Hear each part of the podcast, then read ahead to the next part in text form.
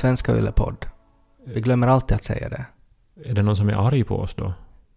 Det är en Svenska Yle-podd, Ja. men, men, men att måste man, måste man liksom rub it in people's faces? Ja, men de cheferna vill ju att vi ska göra det. Ja, och vi, vi är väldigt tacksamma över att Yle låter oss ha den här podden. Jo, Och Yle är ju den bästa arbetsplatsen. jag säger det dagligen. Och också den främsta producenten av goda nyheter i Mm. vårt land. Mm.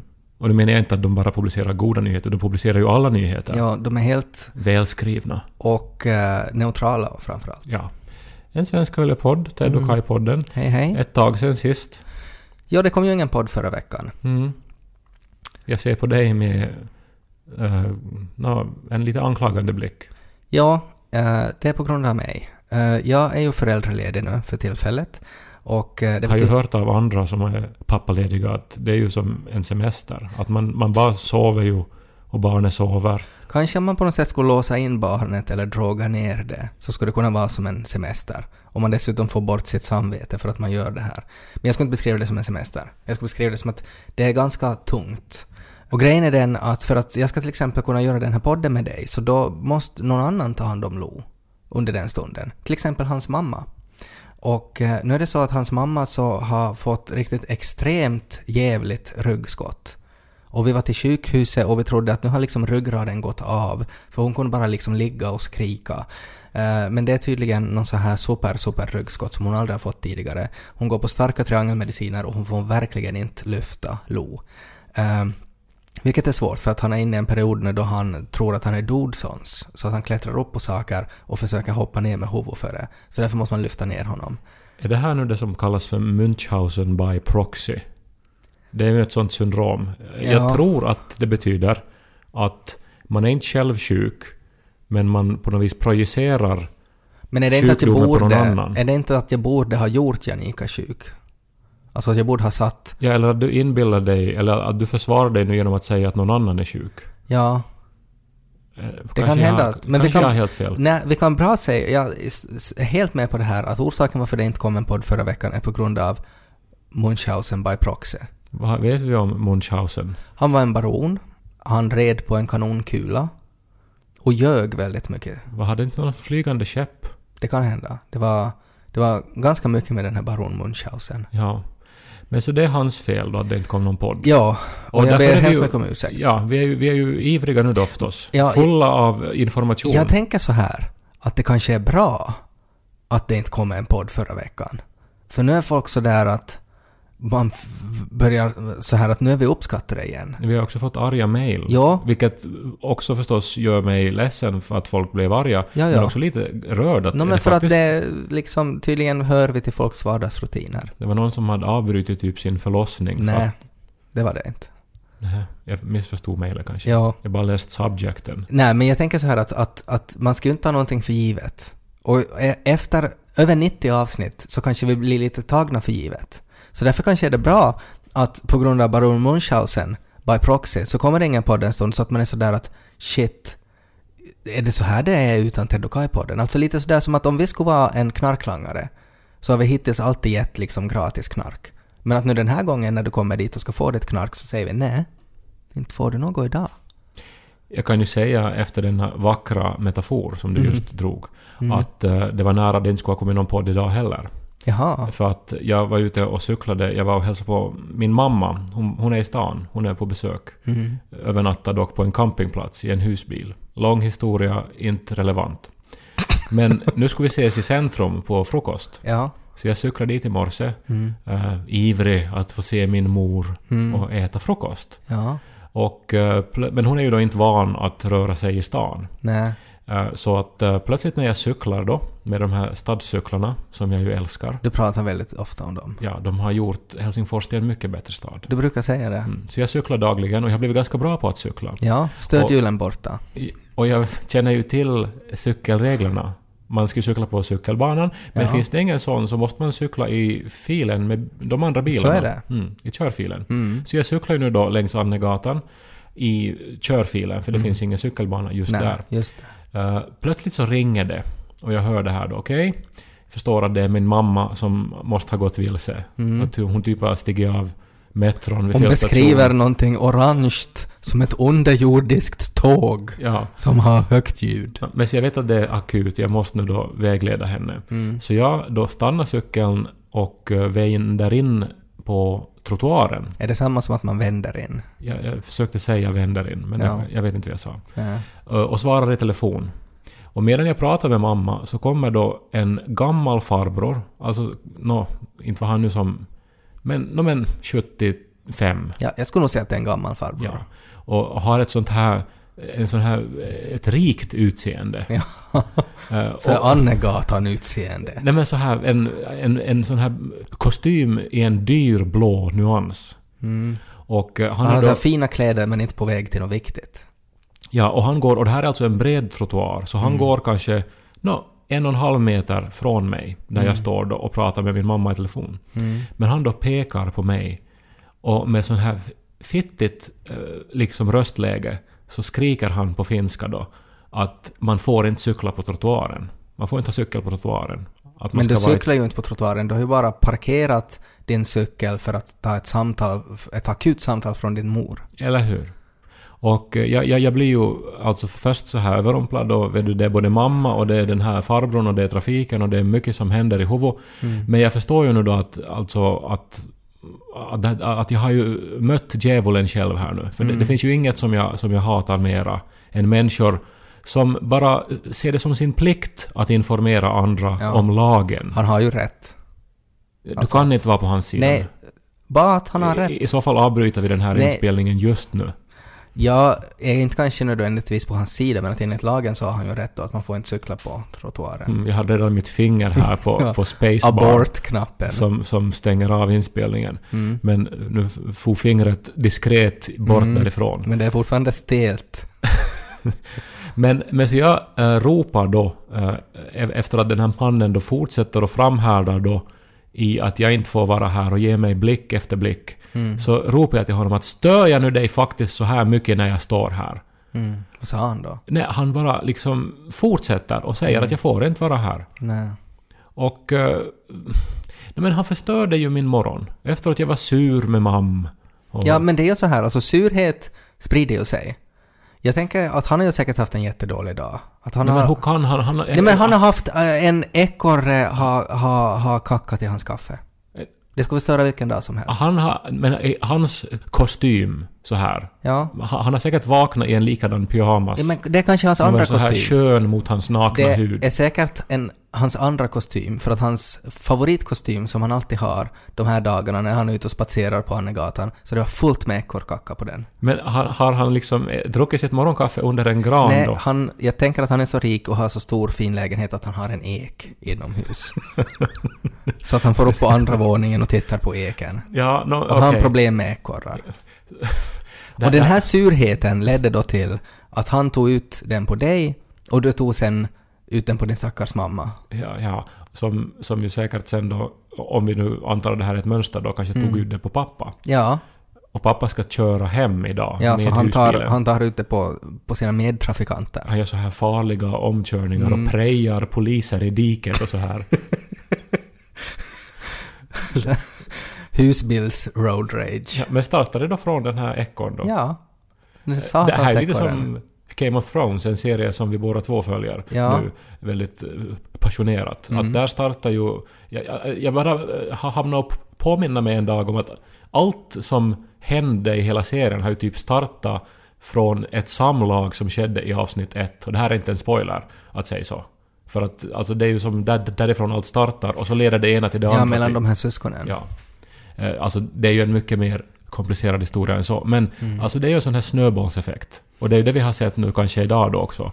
Att alla de här olyckorna med den här mystiska galna husbilen på Mm. Ja, väg Det startar helt enkelt från ett samlag mellan två ekorrar, som sen fick en ekorre som kackade i en kaffekopp och på en kostym.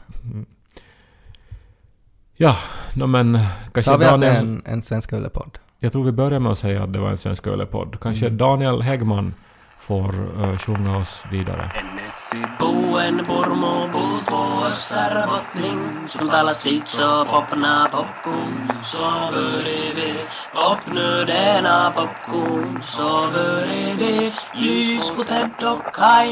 Jag åt mitt favoritgodis förra veckan. Okej, de här uh, citrongodisarna som du beställde från utlandet. Nej, eh, de eh, var nog goda och jag har ju njutit av dem och delat ut dem till höger och vänster. Ni har också fått en burk tror jag, du och Janika. Ja, Eh, men, vi kommer att ha den tills Lo är 18. Ja, men så är det. Alltså, de är goda, men de, man äter ju inte många och så Nej. blir de ju inte till ens favoriter. Nej, det blir de inte. Nej.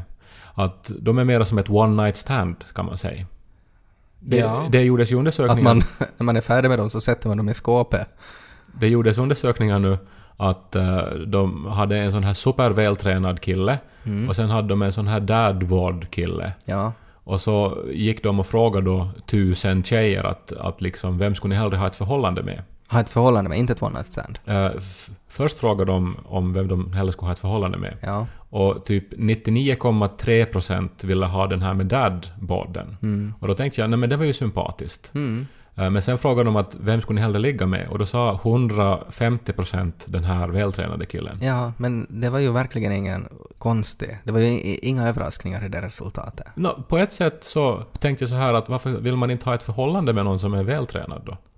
Nej men för att de bara till gymmet hela tiden. Ja. Nå men hur som helst, de här godisarna Mm. eh, som jag åt då, så var mera det här liksom dadbord. Att man... Att jag, jag har ätit dem hela livet och jag vill fortsätta äta dem hela livet. Det är såna här mintchokladkarameller som har, heter samma sak som alla lärarinnor. Ja. Jag, bara, jag kommer bara inte riktigt över det här att man beskriver en godis som dadbord. Men okej. Nå, plötsligt då, så när jag tuggar den här karamellen, Ja. så märker jag... Det Men man någonting- ska ju suga den här karamellen om det är samma karamell som jag tänker på. Ja, men sen kan man nog bita om man är otålig. Okej. Man vill åt den här goda inre eh, delen. Ja. Och nu märkte jag att det var något hårt. Så jag hoppades att nu är det en skruv som har ramlat ner i smeten på fabriken. Och så får jag skriva brev då till Fazer att nu vill jag ha gratis äh, lärarinnekarameller. Ja. Eh, Men så var det en del av min tand. Som hade på något sätt fallit i fabriken när du var dit på klassresa. Ja, eller den hade lossnat i min egen mun. Ja, okej.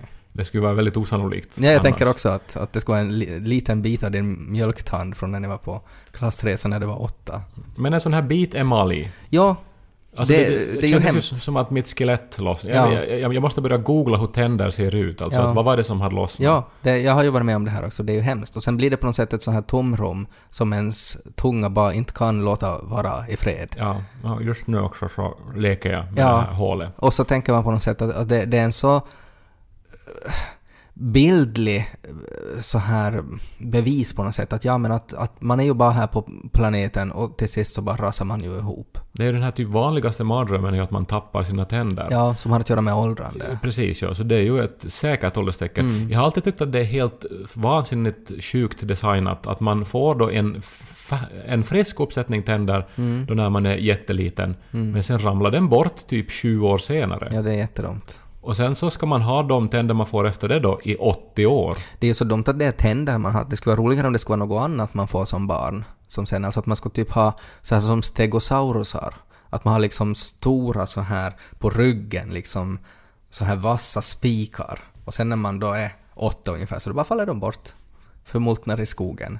Ja, eller så här skulle man ha, vet du, babyfingrar. Och sen plötsligt så ramlar de bort och så växer det då nya så här långa tjuvfingrar åt en. Hellre skulle jag nog ha så här stegosaurusplattor på ryggen då. Det skulle vara jättebra handtag åt Lo också när man ska bära honom. Men jag var ju tvungen nu då att göra det jag har skjutit upp i alla dessa år. Fara till tandläkaren. Mm. Jag ringde då och bokade en tid. Alltså jag har pratat om det här sedan 2013 tror Jag jag. tänker att du ser precis ut som den där pigan i Emil i Lönneberga. För det var ju ett avsnitt när hon hade tandvärk. Och så hade hon en sån här duk runt huvudet. Och så gick hon med handen på och så här, oj, oj, oj, oj, oj. Mm, jag läste ju då, för jag började googla tä- tänder och tandsjukdomar, Mm. att, om, att om det är så pass allvarligt att kinden sväller upp så ska man genast uppsöka akutvård för att man kan alltså dö, för det kan hända att halsen också sväller upp Okej. om man kvävs. Ja. Så att Lina borde ju, borde ju ha farit till Mariannelund istället för att ha då En Emil att halsduk runt huvudet. dra ut det med. Hur, hur, hur, hur gick det till Ja. sen till sist? Nå, Var det en häst var- som drog ut? Säkert så slutar det väl med att Emil måste springa i, i, dit han alltid sprang. Och Vad hans psykotiska far sprang efter honom. Alltså jag, det lämnar ju stora ärr. Ja, och tänk att jobba som piga åt en sån där kar. Och den här Hitler-mustaschen Ja. han hade också. Det var ju inte en slump. Men eh, så, jag var till tandläkaren nu då i helgen. Ja, Och eh, alltså det är så, så länge sen. Jag har pratat om det så länge jag har skjutit upp det och det, det är hemskt. Varför har du skjutit upp det då? Men jag, jag, jag har ingen rationell förklaring. Man ska Mm. ju... Alltså, jag, har ju haft till och med tandvärk här emellan och det har varit Mm. sån här underliga smaker då och då i munnen när jag har använt tandtråd. Mm. Och så här, säkra tecken på att jag borde gå. Ja. Men först nu då. Men de flesta människor vill ju inte gå till tandläkaren. Det är ju eh, eh, en situation som är väldigt förknippat med ångest. Och framförallt på något sätt att... Alltså jag tycker det värsta med tandläkaren är att allt annat i ens kropp så sköter ju sig lite själv. Att har du något problem med någonting så ja, det kanske gör ont nu men att jag menar det kommer sårskorpa på och det fixar sig och det är inte så farligt. Men att tänderna sköter ju inte sig själv. Att man måste borsta den Ja, hela att tiden. man måste borsta dem hela tiden. Att det är ju så dumt att skulle det finnas på något sätt en så här automatisk tandborstning som sker i sömnen, så då skulle det vara liksom helt fine. Men att du kan inte skylla på någon annan när det Ja, gäller dina Men jag tänder. undrar, vad skulle hända med kroppen om man inte skulle tvätta sig? Då då skulle det ju börja växa svamp och lav på igen också. Ja, säkert i något skede, men jag tänker att man kan ju gå ut i regnet då. Liksom att nu blir man väl avspolad naturligt i något skede. Men det är Men väl därför senare- som tänderna har ramlat bort och sen har man ju i allmänhet inte levt längre än till typ 34. Nej, nej, det är ju det förstås. Ja. Men det borde ju uppdateras. Vi lever ju längre nu. Men för att ge en bild av hur länge sedan det jag har varit i tandläkaren, så när jag då kommer in på hälsocentralen, dit jag ju aldrig förstås har varit, Mm. eh, för att jag har inte varit i tandläkaren, Nej. så är jag osäker att, vänta nu, var det så att man måste stänga av mobiltelefonen här? Eller, eller är det så att om jag har på den nu så kanske För det har- borren får något fel? För du har aldrig varit i tandläkaren under den tiden som det finns mobiltelefoner? Jag, jag är helt säker på att jag har blivit lärd att man ska stänga av mobiltelefonen på hälsocentralen. Jag har aldrig hört om det. Ja. För att det finns typ som, som ett litet kärnkraftverk där som kan explodera och det blir störningar. Och doktorerna kommunicerar via så här eh, inter... vad heter det? Walkie-talkie. Mm. Och då kan det komma störningar och så... Viktig information går... Jag vet inte, men har du aldrig lärt dig det här? Nej, jag har aldrig hört om det där. Mm.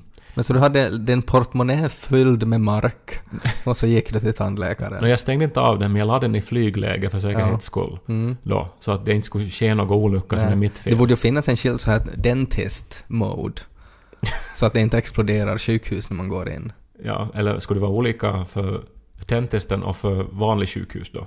Ja, det måste ju finnas. Men vad är skillnaden då? Nu bara att det står dentist och regular hospital mode. Inte vet jag så här, inte är så där bra på telefonen att jag kan säga vad skillnaden skulle vara. Men skulle de ha då en då för kardiologi, en för Nä, liksom... Nu tycker jag du drar det för långt. Hudläkare, Nej, så kan det ju inte vara. gynekolog. Kanske på sin höjd om det ska röntgas, så kan det vara separat. Nå, det här... Jag, Du kom in till tandläkaren så blev du bestört över att det var en kvinna som var tandläkaren. För du har aldrig varit med om... det har bara varit män när du har varit på Ja. din tid. Det Och så var- frågar du att ska du själv pumpa borren eller kommer hans sekreterare att göra det? Så la jag mig då i stolen med såna här vidriga solglasögon Ja. som, som har såna här spottfläckar på sig också.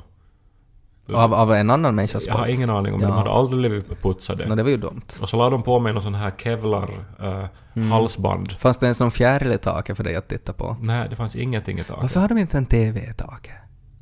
Det förstår jag inte. Vad skulle de visa där då? No, men hästar som springer på ett fält, klassiska konserter, barn som blåser såpbubblor, vad som helst som tar bort en från den här ångestfyllda situationen. Okej, jag håller med. De borde ha en TV i Ja.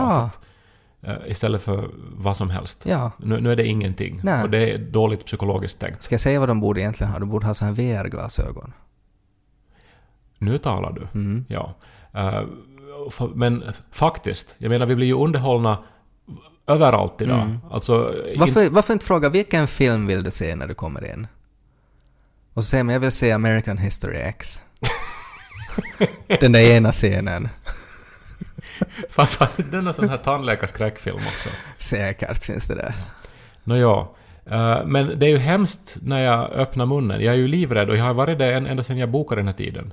Att jag ska få en utskällning av tandläkaren. Ja, man för, förväntar sig det. för att jag inte har varit där på Och sen, sex år. det är ju deras kodspråk också när de säger så här dentalt F8, så skrapar de lite och så någonting annat, koagulalt M7. Så jag har alltid tänkt att de skulle ha, ha liksom ballat sig och så skulle de ha liksom en plansch på väggen där man ser att M8 är lika med jävligt dåliga tänder. De har ju just det här kodspråket. Mm. Eh, men det är ju ett ord som de inte har. Karies. Karies, ja. Mm. Och det är ju dumt, det är lika dumt som att de inte har en TV i taket. Det är ju det enda de borde ha ett kodord för, Ja. för det är ju då som man rycker till. Ja, de borde säga duktig är du. Alltid när det är karies. karies. Och här har du början till att vara duktig. Ja, här är du riktigt, riktigt duktig. Men ja, men, men det kom ju då ingen utskällning faktiskt. Eh, Alla mina tänder gicks igenom en i taget. Mm. Man hittade olika stadier av karies Mm. och eh, den här tanden då som eh, hade gått i bitar. Så Mm. den går att re- reparera och eh, undersökningen var över på en halvtimme. Nu ska jag då och fixas då Ja, och småningom. den där känslan när man inte har varit på många år och sen kommer man ut därifrån utan utskällning. Det är ju jätteskönt. Fick du någon sån här, plocka en sån här plasthelikopter sen då när du har... Ingenting sånt heller. Det förstår jag inte varför de inte ger åt vuxna. Ge något... vad- ska man- En en liten så här flaska rom eller någonting. Ja, så här på ett flygfält, att de har så här små cocktaildrinkar som man får ta. Som, som också kan innehålla fluor då. Ja, som en kul grej. Ja. Du blir full och så, men din andedräkt luktar gott.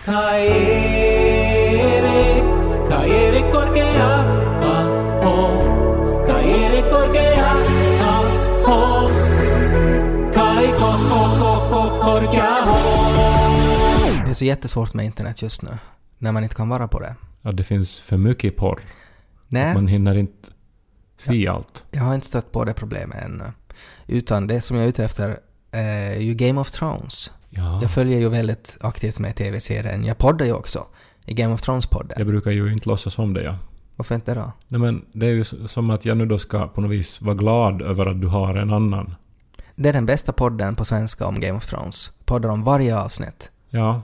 Nej men vad roligt Ted, för mig att höra att min partner då i poddsammanhang har Mm. en annan podd som är den ja, bästa. men ibland så, så håller jag på på radio och Ja, ibland no, så ni håller jag kan på i andra lyssna, om ni är nördar och har fel i huvudet kan ni lyssna på den här andra podden som Ted är med i. Ja, oberoende. Så det här är ju väldigt, väldigt jobbigt nu då, när det har blivit så att eh, de här avsnitten av Game of Thrones har börjat läcka ut. Det är indier, det är spanjorer, som inte kan följa reglerna Ja. och så typ uploadar de det här avsnittet då så folk kan se på det. Men ett ögonblick.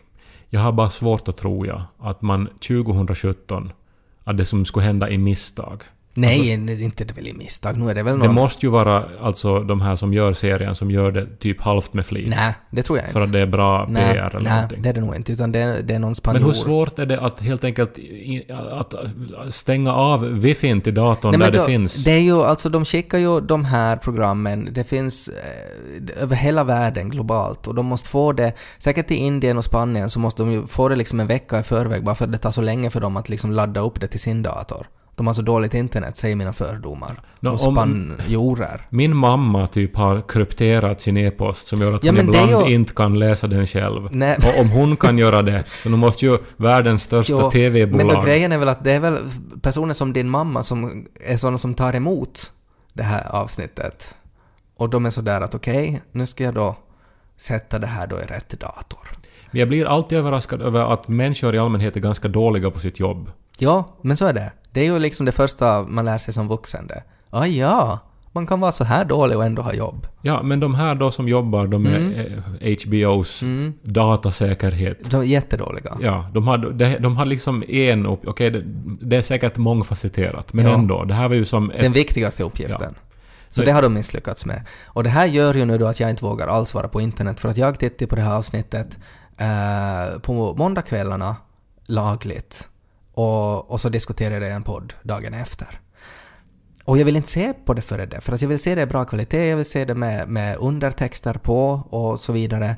Men det här är ju en förändring i dig också, för du har ju alltid varit Mr Internet. Du hade ju internet innan Steve Jobs hade internet, tror jag. Mm. Till exempel. Ja. Och i gymnasiet när det kom den här... Alltså när vi gick i gymnasiet i, där vid årtusendets början, Mm. så eh, då kom den här nya Star Wars Phantom trilogin, Menace. Phantom Menace. Mm. Eh, och du såg den innan alla Ja, andra. men det var för att jag typ kände någon med internet. Ja, ja. Jag hade på men, en CD. men då så, så var du så att säga en ambassadör Ja, för internets Så möjligheter. är det. Men som sagt, jag är inte Mr Internet och med för jag träffar ju Mrs Internet och sen skaffar vi Internet Junior.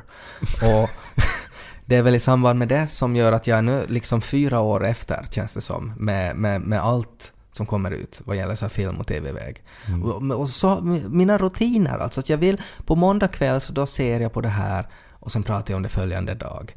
Och det gör ju bara att när folk får, får tillgång till det avsnittet flera dagar i förväg så folk är så otroligt dumma att de inte förstår att om jag säger så här så då är det en spoiler. Men de fattar inte, de tänker inte på det. Men de möjligen då, så de har ju inte då det här emotionella förhållandet till serien, för dem är det bara information. Ja, Och även om man har informationen så förändrar det inte att man får den här visuella upplevelsen. Alltså Nej. de ser inte på det som att man har investerat halva sitt liv i den här storyn. ja, men jag vill kunna liksom kolla mitt Facebook-flöde utan att se någon skojig meme som avslöjar vad som händer i nästa avsnitt. Förstås, men vad ska du göra då? Du kan ju jag tycker att det... det, det unfrienda folk som delar Ja, sånt. jag gör det väldigt ofta, men jag tycker att det är inte... Det skulle måste finnas här en liten produkt, alltså något eh, grej man bokstavligen sätter på, på skärmen på datorn eller en liten app eller någonting. Jag jag skulle ha liksom en, en liten knapp på min dator och när jag trycker på knappen så kan jag säga Hej dator, nu är det så att jag inte sett det här nyaste Game of Thrones. Så att, skulle du kunna filtrera bort all, alla spoilers? Och så säger datorn Det ska jag göra, förstås. Pip, pip, pip. Och så kan jag surfa på alla sidor och så med vetskapen om att all info om Game of Thrones liksom raderas. Alltså som motsatsen till så här individriktad reklam i princip. Mm. Men jag skulle vilja också invända mot sån, alltså den här typen av berättande, där det så att säga sker plötsliga, oväntade, stora förändringar. Du tycker inte om sånt? Nej men att det är ett billigt sätt att skapa känslor. Alltså, eh, nog finns det ju sådana händelser i livet också, men att man kan ju... eh, Typ alla dagens TV-serier så bygger ju på såna här stora twists och oväntade Mm. Men det, är ju, men det är ju för att de är uppbyggda i, i, i, i alltså avsnitt. Men jag tror att vi kommer att få se en motreaktion mot det här också. Att man inte vill att det ska hända något. Det ska vara Människor helt... tröttnar. Det ska vara liksom Jon Snow sitter och äter gröt en hel säsong. Men det var typ hela förra säsongen av Game of Thrones. Jag skulle kunna titta på Kit Harington äta gröt hur länge som helst. Visste du att en släkting till Kit Harington, John Harrington, var den som uppfann den spolbara vässan? Och den kallades faktiskt till The Harrington tidigare, men sen blev det till The John. Han hette alltså John Harrington. Jon Snow. Ja, det heter hans rollfigur. Mm. Men hans förfar hette John Harrington. Ja. Och han var säkert lika snygg också. Ja. Så tänk på det nästa gång du skiter. Vilken snygg man som Man får ju det. anta att han uppfann den av necessitet. Av en, eller av en, hade, Jag tror att det var som penicillin, av att det var av en slump. att han experimenterade med olika så här porslinsmöbler. Och så var det en vattuläcka eller någonting. och så hade han diarré. jag har uppfunnit... Va, vad ska jag kalla det? Det är John Harrington. Drottningen av England faktiskt var en av de första som eh, skaffade en sån. spolbar toalett. Mm. Nu försöker man ju tydligen förinta Från vattnet från allt det här som har att göra med vässa. Ja, men det skulle vara jättebra. Att man vill som, som ha vattenfria klosetter. Mm. Och eh, de har ju redan sådana här vattenfria pissoarer. Ja, jag har sett såna. Som ju funkar flawlessly. Mm. Fast jag, vill, jag har ju aldrig förstås tömt en sån. Jag vet inte hur det går till. Nej. Och Det kan ju hända att det är svart magi Ja. eh, som, som be- behövs. Och sen när man tömmer det så är det som världens vidrigaste stank eller någonting. För det är Mm. som eh, all liksom filth plus den svarta magin. Det skulle måste vara typ att man, man uträttar sina behov rakt in i en laser. Det skulle vara bäst. Laser. Ja, alltså inte som en liksom riktad upp i ens tarm nu då. Utan att det ska vara liksom som en sorts laser, ett lasernät. Så när man, när man liksom, när någonting ramlar i det så förintas det. Ja. Men eh, för att återgå till spoilers. Spoilers ja. så tänkte jag bara på en sak, att när jag var ung och var med i församlingen, eh, så då hände det ju alltid då och då att det var någon bok som publicerades, någon som hade typ... ja alltså en bibel då eller? Nej men någon sån här andlig bok. Ja. Det, finns ju, det finns ju, det är ju en stor marknad alltså. För såna jo. här. Det finns egna bokhandlar som bara säljer sånt. Ja, precis. Och alltid då och då så utkommer det då historier om människor som har varit nära döden eller till och med varit döda Mm. Och sen har haft såna här upplevelser av livet efter detta, men återupplivats. Och nu Just då det. skriver om hur det är i himlen då, Ja. och de har träffat änglar och... och, Som ser ut som Jon Snow. Ja, men, men, men det, det, fanns alltså ett stort motstånd mot såna här böcker eh, i församlingen också. Inte Mhm. för att de då är eh, spekulativa och fåniga, Och fulla med skit. utan för att vissa ville inte veta hur det var i- i Att de inte himlen. vill bli spoilade av himlen. Ja, alltså, jag menar det är ju ändå den största spoilern någonsin att, liksom att, att vet du spoilar vad som händer. Spoilervarning, är precis som Indien. Ja, alltså vad händer efter döden? Ligger- Det är ganska bra. Men- Det, det är ju en bok. Alltså, jag menar, livet i sig är ju en historia som på något vis puggs upp och har en tydlig riktning. Mm. Eh, Speciellt då när man börjar åldras så är man som att nu är jag nog på väg någonstans, jag blir Mm. sämre och sämre. Det är som en väldigt tydlig dramaturgi. Spoilervarning, du kommer att dö. Ja, men sen också, vad händer efteråt? Ja, det är jättespännande. jag tycker också. Hon såg det ut nu då i himlen? Nej, alltså det, det varierar ju. En sak eh, med änglar åtminstone Mm. som, var, som genomgående är att alla änglar är jättestora. Alltså så här överviktiga? Nej, så här typ sex meter höga. Aha. Som, som väldigt så här att man, att man fylls av vördnad när man För jag ser tänker änglar. såna här liksom keruber, såna här små barnänglar, så de är ju otroligt tjocka. Jag tänker att när de växer upp sen så det måste ju vara så här What's Eating Gilbert Grape-aktiga änglar. Hans mamma. Ja, det stämmer. Ja, det, det är så här skönhetsideal. Jag, jag, jag, jag, skrämdes ju, alltså, nu, nu vet jag inte om, om ni hade hos er, i, ja, nå, antagligen inte i ditt sovrum, fast Att- det inte är en sån tavla, men Ja. i mitt sovrum, sovrum fanns, och i alla österbottniska hem, Mm. alltså en sån här tavla med två barn som är ute i skogen, in, invid ett stup, Mm. och så är det en skyddsängel bakom dem. En sån här vän, jättevacker kvinna, Mm. som står och skyddar den från det här stupet. Just det. Och det här hade Man man då- håller i dem då så att de inte ska falla. företrädesvis ovanför sängen. Ja. Och det fanns också liksom andra motiv, men allting var det här då att det, alltså att man har hela tiden sin skyddsängel bakom sig. Tron är det som skyddar dig från den eviga avgrunden i princip. Ja, eller- en ängel. Mm. Och jag, precis som säkert hemskt många barn, hade ju en lång tid att jag trodde också på skyddsänglar. Mm. Och, eh, och, och, och den här bilden levde ju kvar, men någon som går efter en. Mm. Använde mig faktiskt, spoilervarning nu då också, men när jag skrev min andra eh, roman, eh, Gräset är mörkare på andra sidan, så, så Mm. lekte jag lite med den här skyddsängel-tematiken. Mhm. Eh, För att, att jag tyckte också att den är ganska skrämmande. Mm. Det är Att man har hela tiden någon bakom sig. Ja, jo, jo. Visste du att det finns ju, nu kommer jag inte ihåg vad det heter, men det finns någon maträtt som är så dekadent så att man måste sätta en filt på sig när man äter den. Så att änglarna och Gud inte ska se vad man gör. Det är väl något så här att de tar typ en jättegullig fågelunge och så göder de den med konjak i hela sitt liv och sen äter de den typ levande. Det är någon sån grej. Och så, ska, och så är grejen att, att det, det är så utsökt och så dekadent så man måste äta den under typ en guldfilt så att ingen ska se vad man gör.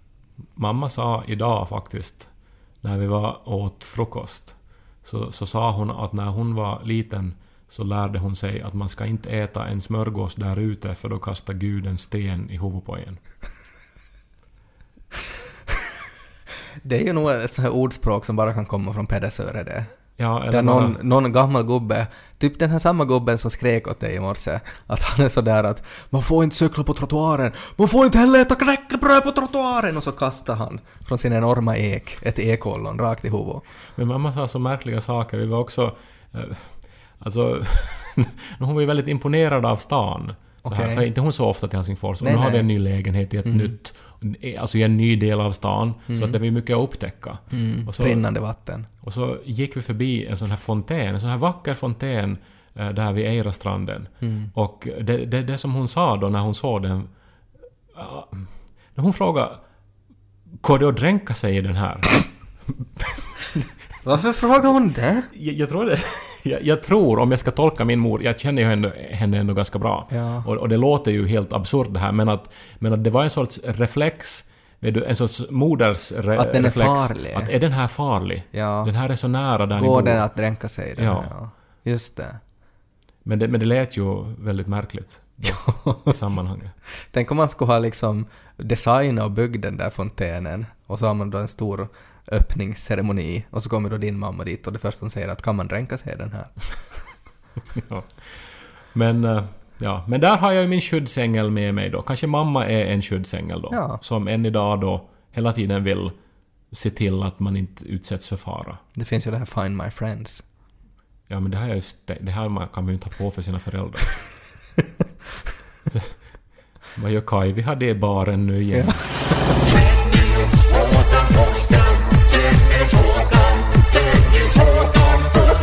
Men det där var ju en skyddsängel-app som du visade mig helt nyss här. Ja, på sätt och vis. Ted tog alltså just fram sin telefon och plötsligt på hans skärm så såg vi en live-feed från eh, alltså sovrummet mot den här spjälsängen där Lo sover. Mm, för jag måste se att sover han ännu för att Janika har så tjock rygg så att hon har problem att lyfta bort honom sen. Ja, men det där var ju som att, som att, vet du, ha en...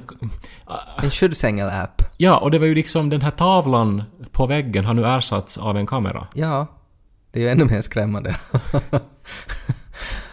jag tycker, om- man utgår lite från det här, alltså att, att skyddsänglar är mer så här realistiska, så jag tycker ju inte att det skulle vara helt eh, konstigt om, om det skulle kunna vara ett jobb som man skulle riktigt kunna ha. Alltså att jag skulle bra kunna betala... Alltså förälder.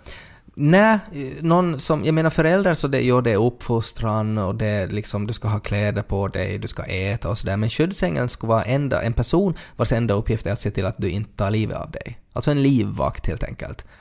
Alltså skulle man inte kunna jobba som det? Att man betalar en person, vad jobbar du med? Nej men jag är los skyddsängel.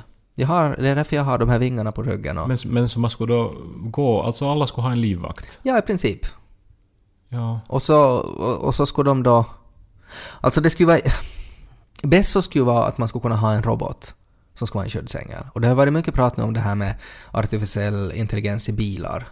Det här med att om, om det är liksom två AI-bilar som krockar och, och krocken är oundviklig, så då måste de ju snabbt så här komma underfund med att okej, på vilket sätt ska vi krocka för att förminska eh, dödssiffran? Mm, och ska man prioritera den som kör bilen eller någon som är oskyldig på gatan? Mm. Ska vi liksom väja till de här?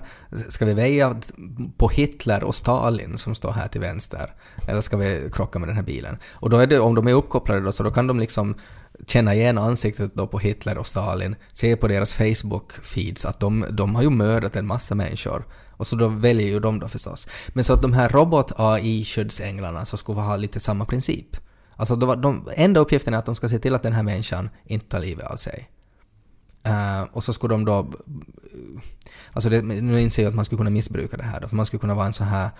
Uh, en, en jättebra tjuv. Och så, så har man sin skyddsängel med och så är skyddsängeln sådär att hej, de där människorna håller på att ta livet av den som jag skyddar, alltså polisen. Och så skulle den skyddsängeln då liksom skjuta lasrar ur ögonen på polisen. Ja, alltså det är ju en förälder Alltså du att- beskriver här. Nej, alltså jag men- beskriver i princip Terminator 2 med, med alltså den här John Connor och, och Arnold då som hans skyddsängel Terminator. Come with me if you want to live. Ja, men det är ju en sån jag skulle vilja ha. Sen, om de här skyddsänglarna då är med i sådana situationer att det här barnet kommer att förolyckas, alltså att det finns ingenting jag kan göra, så då har ju skyddsängeln förlorat hela sin uppgift. För de är ju byggda för att bara ta hand om den här människan. Då ska man kunna samla ihop alla de skyddsänglarna som inte har någon mening med livet något mer, och så ska man bygga en så här stort robotkolosseum där man ska ha dem att slåss. Och Ja. vin, vinsten så skulle vara då att de får ett nytt barn att beskydda. Men vad, hemskt mot de här... Nej men de har ju inget annat att... skyddsrobotarna som De har, har, har, nej, de är inte goda, de är robotar. De har inga känslor. Ja men nu ska man ju, inte ska man ju kunna behandla någon som har skyddat ens son Visst. hela livet. Att nu skickar vi dig till Colosseum och, Ja. och slåss för ditt liv. Ja, så har du, kanske får du en ny son sen då. Om du är tillräckligt duktig. Ja, ja. Jag bara tänker nu på den här sången som vi sjöng i, när vi var små. Har du hört den där? Alltså den här... Dun, dun, dun, Glöm inte bort att änglarna finns. Ja, den där ja. Att de är där för att se hur du har det. Mm. Och de kan hjälpa dig fast de Mm. inte syns. Glöm inte bort att änglarna finns. Jag tyckte, det, alltså det där var en av mina favoritsalmer, för det var lite som en marsch var det. Att du får lust att få med i Ängla, eh, få med Jeanne d'Arc som, som är här kristet barn och slåss i ett annat land. Och, och marschera till den här musiken. Ja, men jag tycker den, är, den ger en så här... Alltså man älskar ju livet och man, har, man känner sig trygg i sin dans när man vet att änglarna finns. Så en modern version av det här då skulle vara liksom glöm inte bort att din pappa har en webcam-app. Han kan se om du sover eller inte. Och han kan kontakta din mamma och fast han inte är där Glöm inte bort att papp har en webcam-app. Webcam-app. Tedokai.